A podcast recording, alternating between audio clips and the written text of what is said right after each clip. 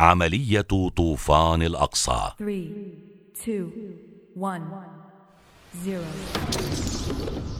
لم يكن صباح السابع من تشرين الأول مثل أي صباح في فلسطين المحتلة وحتى في المنطقة والعالم ففي ذلك الصباح شنت حركة المقاومة الإسلامية حماس عن طريق ذراعها العسكرية المتمثلة بكتائب القسام بهجوم مباغت على مواقع للجيش الإسرائيلي في غلاف غزة حيث تمكنت من السيطرة عليها وسيطرت على نحو عشرين مستوطنة إسرائيلية فيما يسمى بالخط الأخضر.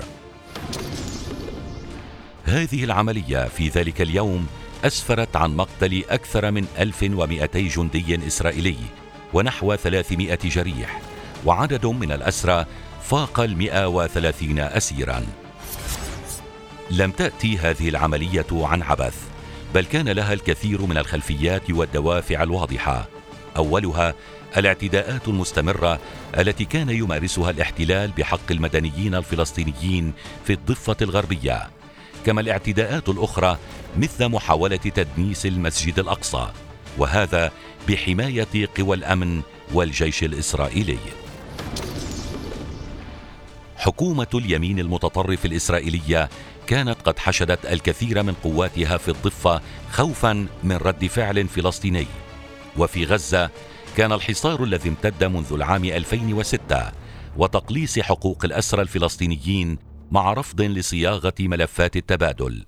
كانوا من الأسباب الرئيسية لاندلاع العملية. وهذا كله في ظل قيام العديد من الدول العربية بالتطبيع مع الاحتلال الإسرائيلي بمعزل عن الحقوق الفلسطينية. يبدو أن هذا الهجوم المباغت بالطائرات الشراعية وأداء المقاتلين الفلسطينيين تسبب في حالة من الشلل لدى القيادات الإسرائيلية.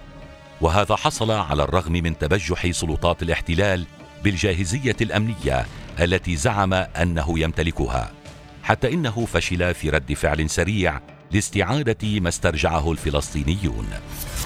وفي البداية كان الفشل الإسرائيلي يتمثل في المنظومة العسكرية والأمنية حتى إنها تكبدت خسائر أكثر من تلك التي تكبدتها في حرب السبعة والستين وبدأت بالتفكير في تغيير استراتيجيتها الأمنية وحتى اجتماعيا كان لهذه العملية القدرة على هز ثقة الإسرائيليين بحكومتهم ويؤجج الجدل عن من سيتحمل مسؤولية هذا الفشل الغير مسبوق.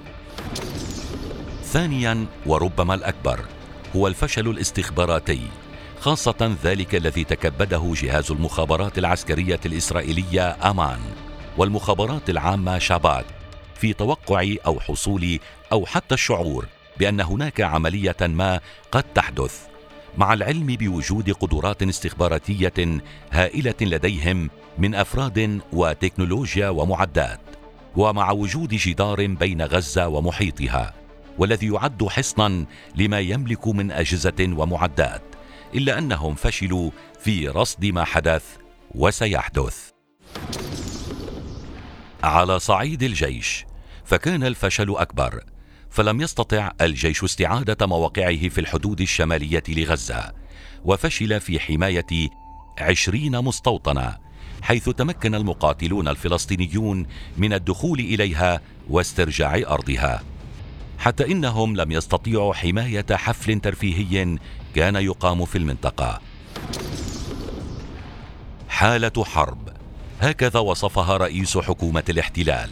فاستدعى على إثر هذا ثلاثمائة ألف من قوات الاحتياط في خطوة للهجوم على غزة. كما وضعوا الكثير من القوات قبالة الحدود اللبنانية الجنوبية تخوفا من تصعيد قد يحصل هناك. اهتزاز كبير في ثقة الإسرائيليين بحكومتهم خاصة في ظل الصدع المجتمعي الذي أصابهم. وهنا برز سؤال واحد لدى حكومة الاحتلال. وهو ما الهدف من هذه الحرب. هل هو القضاء على حماس اولا أو تغطية الفشل الذي حصل أو محاولة إلهاء الإسرائيليين عن السياسة الإسرائيلية التي خرجت ضدها الكثير من المظاهرات هناك؟ عموما جاء رد الاحتلال بأمور ليست بالغريبة عليه فكانت وحشيته سيدة الموقف فقصف المشافي والمدارس والمدنيين والمباني وكل المرافق العامة والبنى التحتية. وليس هذا فحسب بل قطع الماء والكهرباء والاتصالات عدة مرات لمنع وصول ما يحدث هناك إلى العالم. وعليه صعدت المقاومة اللبنانية من دورها وحتى القوات اليمنية اللتان تشنان كل يوم عمليات على جبهاتهما. بهدف التخفيف عن الشعب الفلسطيني الذي يعد أساسا خندق المقاومة ضد الاحتلال الإسرائيلي. أما على الصعيد الفلسطيني فمقاتلو حماس قد قضوا بالفعل على عدد كبير من آليات الجيش المحتل حتى إن عددها وصل إلى المئات وعدد قتلى الإسرائيليين لم يزل في ارتفاع.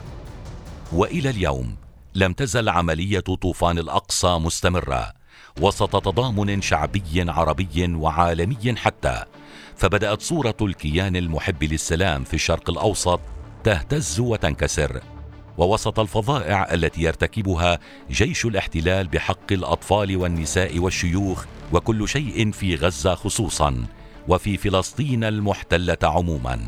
ومع الأسف هذا ما نشاهده يوميا على قنوات التلفزة. وسط حديث عن هدنة وعملية لتبادل الأسرى قد تجري حتى وقت كتابه هذا النص. نهاية طوفان الأقصى أنهى أسطورة إسرائيل الأمنية والعسكرية وفضح هشاشه التحصينات والجدران التي أنشأتها لحماية نفسها فلم يكن منها سوى الرد بالمجازر والعدوان الذي لم ولن يقتل عزيمة الفلسطينيين في انتزاع حقهم في أرضهم التاريخية حتى لو نجح الجيش الإسرائيلي في إنهاء حماس. وهذا أمر مستبعد للغاية.